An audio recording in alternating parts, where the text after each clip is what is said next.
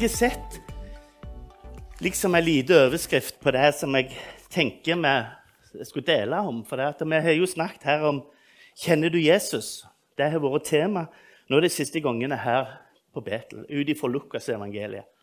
Og Jeg har gjerne sagt det i overskrift. Hva tror vi på, og hva gjør det med oss som mennesker? Jeg husker at For to uker siden som jeg var her på Betel, så tror jeg det var Kurt som innledet med Salme 27, 14, der det står Vent på Herren, vær med godt mot, mitt hjerte. Ditt hjerte være sterkt. Ja, vent på Herren. Thomas som talte da, han fulgte opp med Lukas 6, 46. Men hvorfor kaller dere meg Herre, Herre, og gjør ikke det jeg sier? Og da kjente jeg liksom på det at ja, ene stien så skulle vi vente, og det andre så skulle vi gjøre. Eh, og det kan være utfordrende og vanskelig å vite når skal jeg vente, og når skal jeg gjøre. Til hvilken tid skal vi gjøre det? Talen her i dag den blir nok litt annerledes. Du har lagt merke til det allerede. Skjermen er jo blank.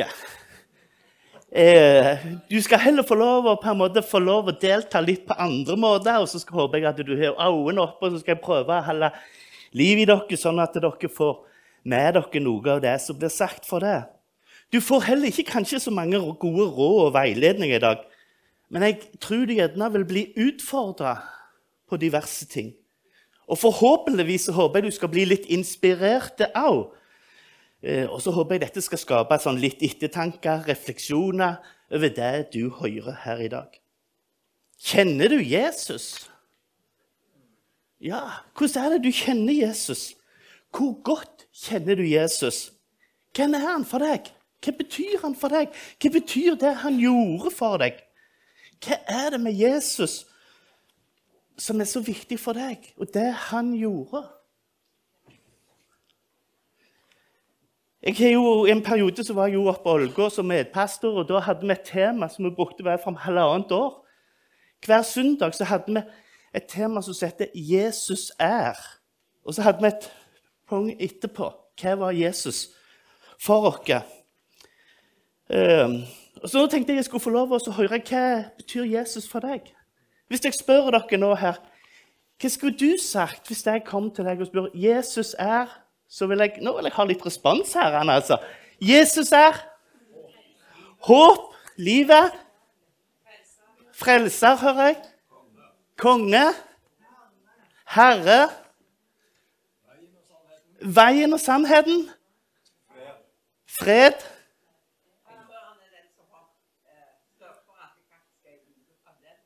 Han er sørget for at alle er i live fremdeles. Ja. Han er helbreder. Ja. Det er fantastisk mye. Jeg husker at jeg litt skulle prøve å oppsummere dette på en sommer etterpå. Og Da gikk, hadde jeg med fram 23 punkter som jeg da gikk gjennom, som Jesus er. Og tar ikke vær redd, Jeg skal ikke ta den talen her i dag. og Det kunne jo vært en kjempelang tale. Men eh, det var jo helst bare en setning jeg hadde på 23 forskjellige punkter. Og du kunne utvide det enormt mye mer enn det. For Jesus han, han er så mye for oss. Jeg tenker For meg så er han grunnvollen. Han er fundamentet i livet mitt. Men hva er det som jeg da bygger den på? Hva er det som er grunnvollen? Hva er det som er fundamentet i livet mitt? Jo, det er det Jesus gjorde. At han døde for meg, og han sto opp igjen for meg. Og Derfor hadde jeg tenkt at jeg ville ta dere med litt inn i eh, Paulus' brev til korinterne. 1. korinterne, kapittel 15. Så Der kommer jeg til å være en del, så hvis du har Bibelen, så kan du ta med deg litt av de tingene der. Ehm, for det, der skriver Paulus om dette til korinterne. Hvor viktig det er med Jesu død og oppstandelse. Og Jeg vil begynne å lese fra det tredje verset. I 1. Korinterne 15,3. For jeg overga dere blant de første ting at det seg sjøl mottok, at Kristus døde for våre synder etter Skriftene, at han ble begravd og at han gjenoppsto på den tredje dagen etter der. Og så ble han sett av Kefas, og deretter av de tolv. Og deretter ble han sett av mer enn 500 brødre på en gang. Av de lever flest ennå, men noen har sovna inn. Hva var det som var så viktig med dette at Jesus hadde stått opp igjen? Jo, for det at når, når, I denne her første tida så var det jo et rykte som gikk ut. Nei, det var disiplene hadde røva Jesus. De hadde vært der og tok han ifra dem. Og de ble betalt for å lyge og fortelle dette. Men når du da hadde et vitnesmål som er troverdig Det var 500 stykk som hadde sett han samtidig. Da nytta det ikke hvor mye du prøvde å bestikke folk og si at dette er tull og vas. Nei, det er jo sannhet. For det, det var så mange som hadde sett han. Han var oppstått, og han levde i dag. Halleluja. Halleluja. Det er så fantastisk. Det er liksom hele grunnvollen i min tro. Og så går Paulus videre igjen fra 12. verset, så sier han det Det er jo altså noen som forkynner om Kristus at han er oppstått. At, men når det ble forkynt om Kristus at han oppstått for de døde, hvordan kan da noen blant dere si at det ikke er noen oppstandelse fra de døde? Dersom det ikke er noen oppstandelse fra de døde, da er heller ikke Kristus oppstått. Men er Kristus ikke oppstått, da er vår forkynnelse intet. Og den tru dere har, den er ingenting. Da blir vi stående som falske vitner om Gud. For vi har vitna mot Gud at han har oppreist Kristus, noe han altså ikke har gjort dersom det er så at de døde ikke oppstår. For dersom de døde ikke oppstår, da er heller ikke Kristus oppstått. Men er ikke Kristus oppstått, da har dere en unyttig tro, og da er dere ennå i deres synder. Da er òg de fortapt som er sovna inn, inn, i Kristus. Har vi bare i dette livet satt dere håp til Kristus, da er, det, da er vi de ynkeligste av alle mennesker. Hvis ikke dette er sant, det vi forkynner, så er vi så, så er livet bare tøys. Det er bare tull.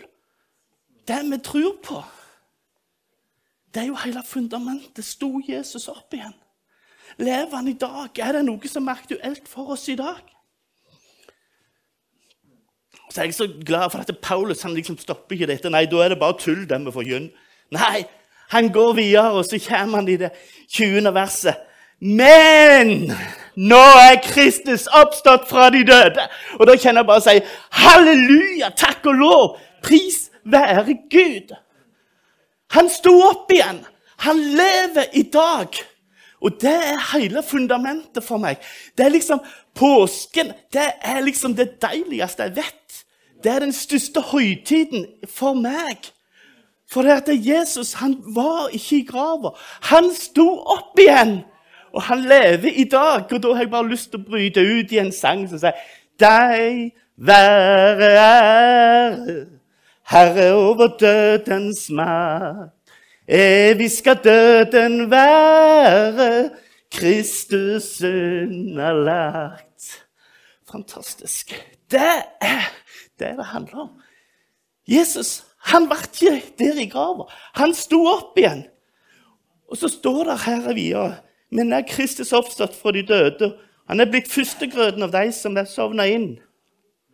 For ettersom døden kom med et menneske, så er også de dødes oppstandelse kommet med et menneske. For liks alle dør i Adam, slik skal alle også bli opp, gjort levende i Kristus. Og Det er noe av det du kan få oppleve. Når du tar og begraver noe av det gamle og står opp igjen til et nytt liv.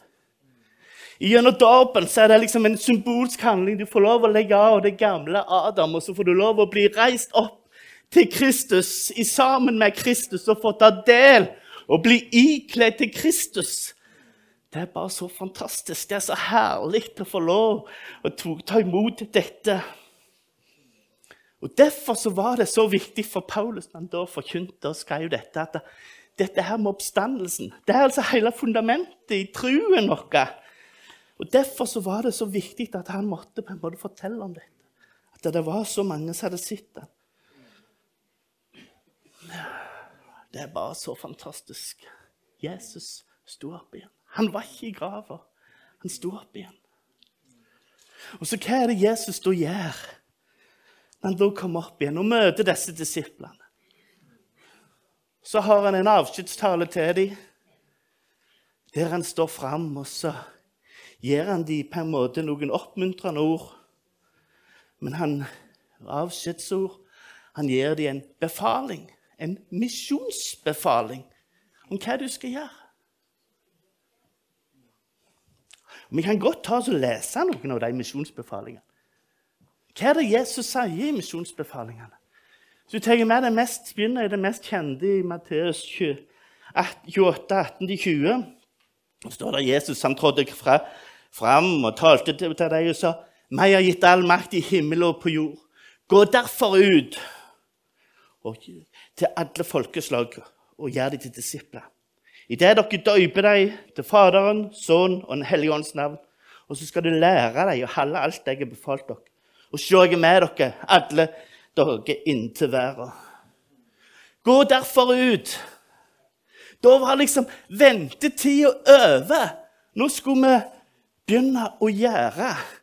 Gå ut. Forkynn. Døyp. Lær. Og så skal du få oppleve at Herren, han er med deg gjennom alt dette. Du er ikke alene.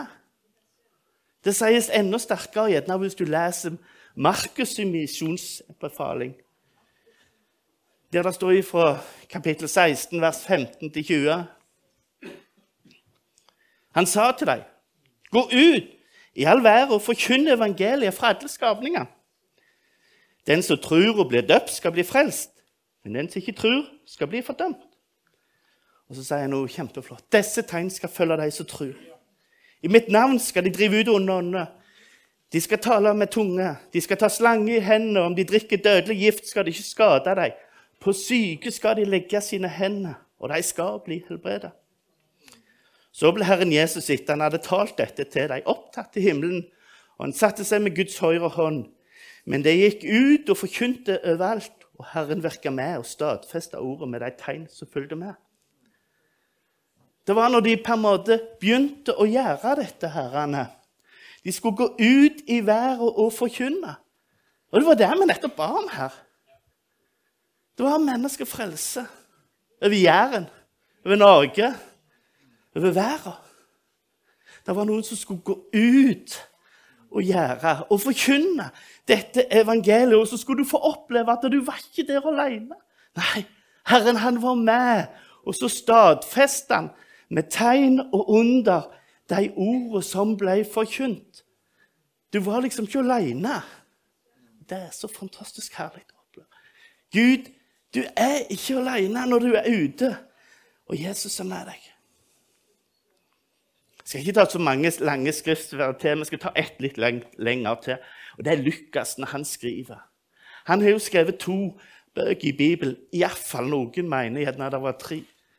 Men han har jo skrevet Lukasevangeliet og, og apostelgjerningene. Men i slutten, når han beskriver hvordan dette var når Jesus avskjedstaler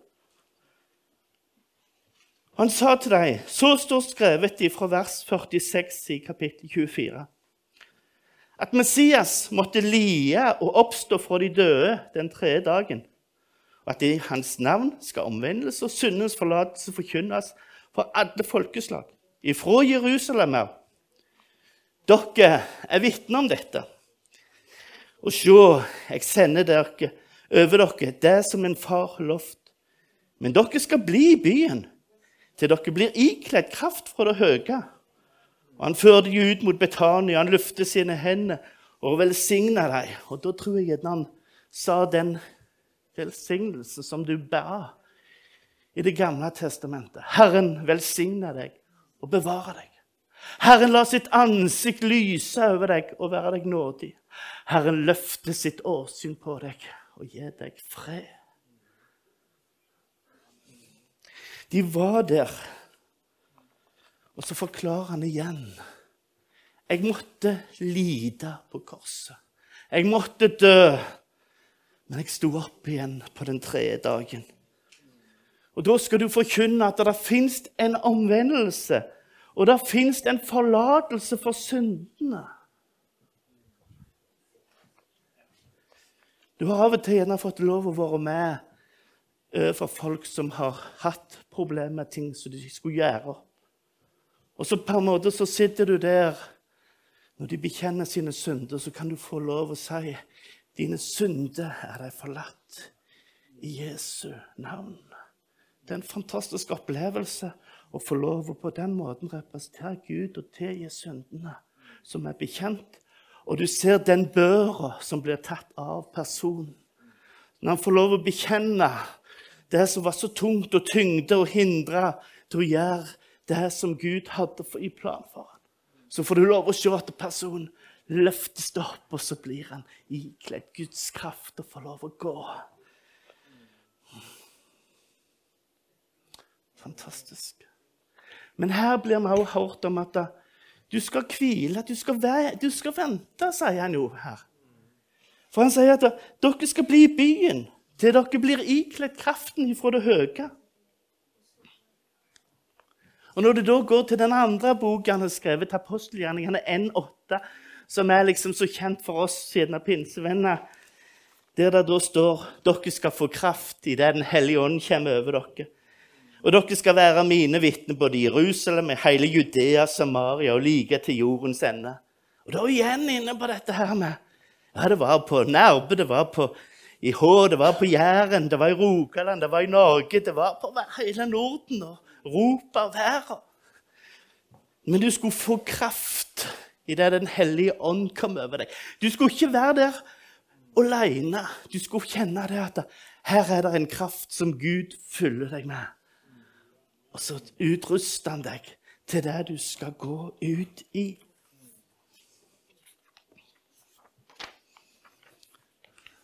Så tenker du gjerne på hva det du hadde som overskrift.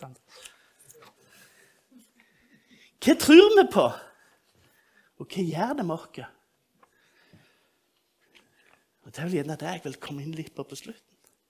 Tar vi Jesu avskjedsord på alvor?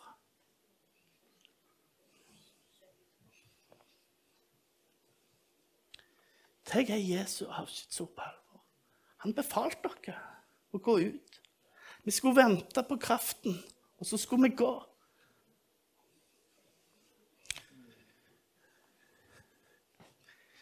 Jeg har lyst til å minne bare på en lite vers til som Paulus skriver om til romerne. Kapittel 6, vers 23. Der han forteller litt om livets utgang. De to utgangene som fins i livet. Han sier syndens lønn, den er død. Men Guds nådegave er evig liv i Kristus Jesus, vår Herre. Halleluja. Det er bare på grunn av Guds nåde, som vi sang om her. At vi kan få lov å komme fram for ham. Jeg har mange ganger fått lov å være med, eller noen ganger iallfall fått lov å være med på skoleklasser. De skal ha om litt andre religioner. Og da er jo sånn herlig å være både pinsevenn og baptist. og sånn, så det, for det, Der ser de på skolen som en annen religion. Så Da kommer de på besøk, og så får vi lov å invitere dem inn. Så vet vi jo at på skolen har de ikke lov å forkynne Guds ord, men den timen de er hos oss, så kan du bare fòre dem så mye du vil med Guds ord, for her skal de lære noe om det andre. Og Som regel så har jeg da tatt fram to personer. Så har jeg spurt en av dem du, har du lyst på en 20-kroning. Det kan hende jeg måtte brukt et litt større beløp i dag. Så, så, men når de kommer fram, da, så, så sier jeg du, hvis du, når, hvis du står på en fot og sier 'kykkeliky', eller du synger Pål sine høner, så skal du få denne, sier jeg. Jeg må gjerne bruke litt overtalelseskunst, men etter hvert så gjør han som regel det. Han står på en fot og sier 'kykkeliky' eller synger Pål sine høner. Og jeg gir han den 20-kroningen for den han da fatter. Så henvender jeg meg til den andre og sier 'Hvordan er det med deg? Har du lyst på en 20-kroning?' Og ser du på han at ja, han har jo det, men jeg har ikke lyst til å stå og synge på en fot og si, synge Pål sine høner eller si kykkeliky. Så sier han nei, men har du lyst på han? Du skal få han. Eh, ja, sier han. Ja, så sier jeg, vær så god, sier jeg. Så gir jeg den til han, og etter hvert så tar jeg han jo imot han. Og så kan jeg få lov å begynne å fortelle til dem hva var det som skjedde her. Jo, han ene han fikk lønn, for han hadde gjort noe. Han andre han fikk en gave. Han trengte ikke gjøre noen ting, her, men han måtte ta imot det. Og På samme måte er det med evangeliet. her. Vi har ei lønn som vi hadde fortjent, og det er døden. Men så har vi Jesu fantastiske nåde som bare sier 'Jeg har litt for deg'. Den du var, det har jeg tatt med meg på korset. Jeg har dødd for deg. Jeg har stått opp igjen. Og jeg lever i dag, og jeg utruster deg. Og du fortjener en gave. Du skal få en gave. Du fortjener den ikke, men du skal få den av bare nåde. Helt gratis. Men du må ta imot den.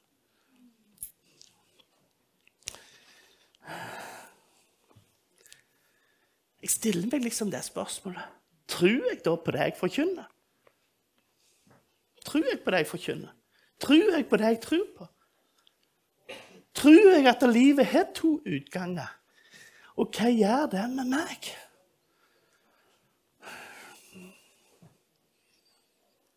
Tror jeg at det er folk som jeg treffer, som ikke har Jesus på innsida? At de går på en måte en død i møte? Det er jo ikke det vi ønsker dem. Jeg vet ikke hvordan det er med deg.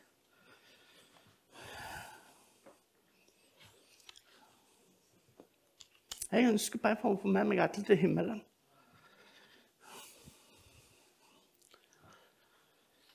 Gjør det meg mer frimodige for de jeg møter? Jeg skjemmer jeg over de jeg møter? Har grunn til å skjemmes av evangeliet?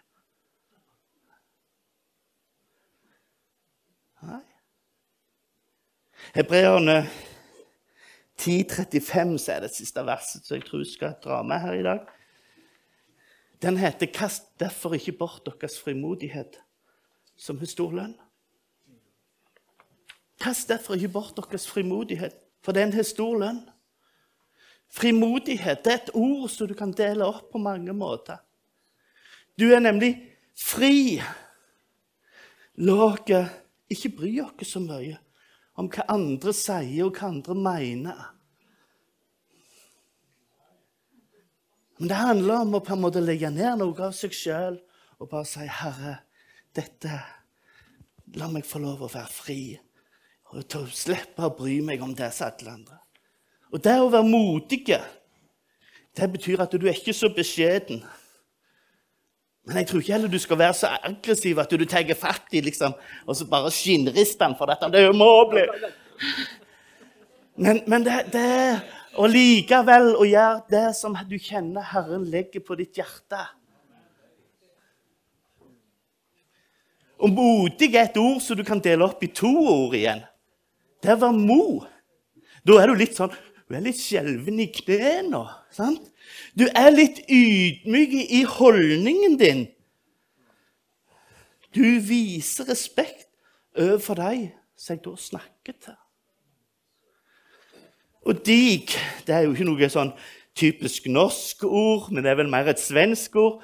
Og Da må jeg gjerne si sånn som kona pleier å si til meg av og til. Anders, handler, alt handler ikke om deg. og sånn er det her òg. Dessverre, alt handler ikke om deg. Her handler det bare fram om Jesus. Det er han du er frimodig for. Det er han du på en måte opphøyer. Det handler ikke om meg, men om Jesus. Og så er det å være heide. Sant? Gjør det med et brennende hjerte. Gjør det i kjærlighet og av kjærlighet.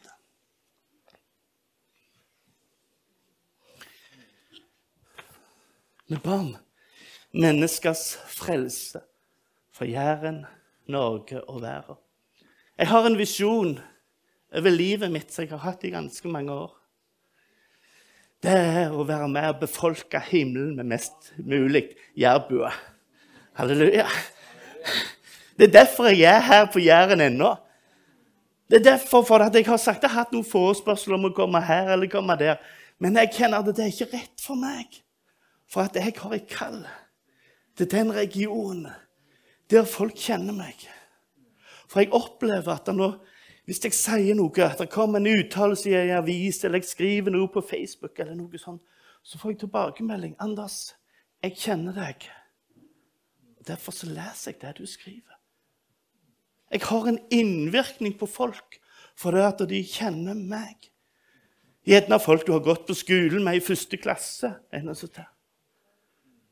Og Derfor er det så viktig å på en måte være der du er.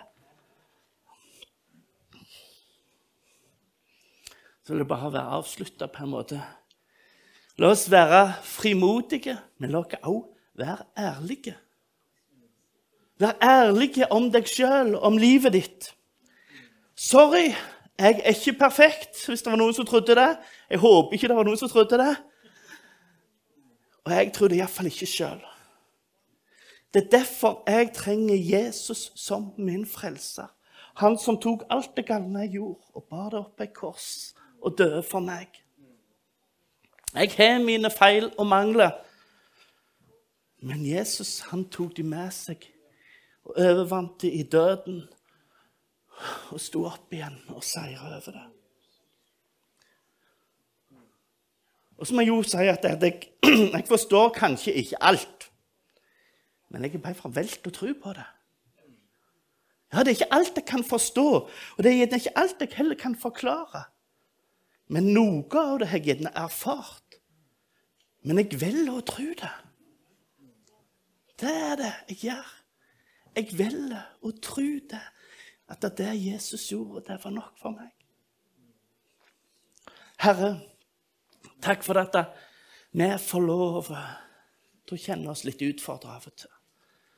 Herre, jeg ønsker ikke å trø noen på føttene, Herre Jesus, men jeg ønsker å inspirere, utfordre. Og Herre, ta du bort hvis det var noe av meg sjøl som kom fram her, Herre Jesus. Men bare la det få lov å sette rot, det som kom ifra deg. La hver enkelt som går herifra, få lov å oppleve at her talte du, Gud, til meg. På en eller annen måte, om det var gjennom det ene eller det andre, Herre. Jeg tror du hadde en plan med det, for du ville møte hver enkelt av oss. Inspirere oss, utfordre oss, Herre Jesus. Men så vil du bare fortelle hvem vi har å glede oss for. Frelsen i deg, Jesus. Herre, hjelp oss gjennom hverdagene. Hjelp oss gjennom den uka som ligger før oss.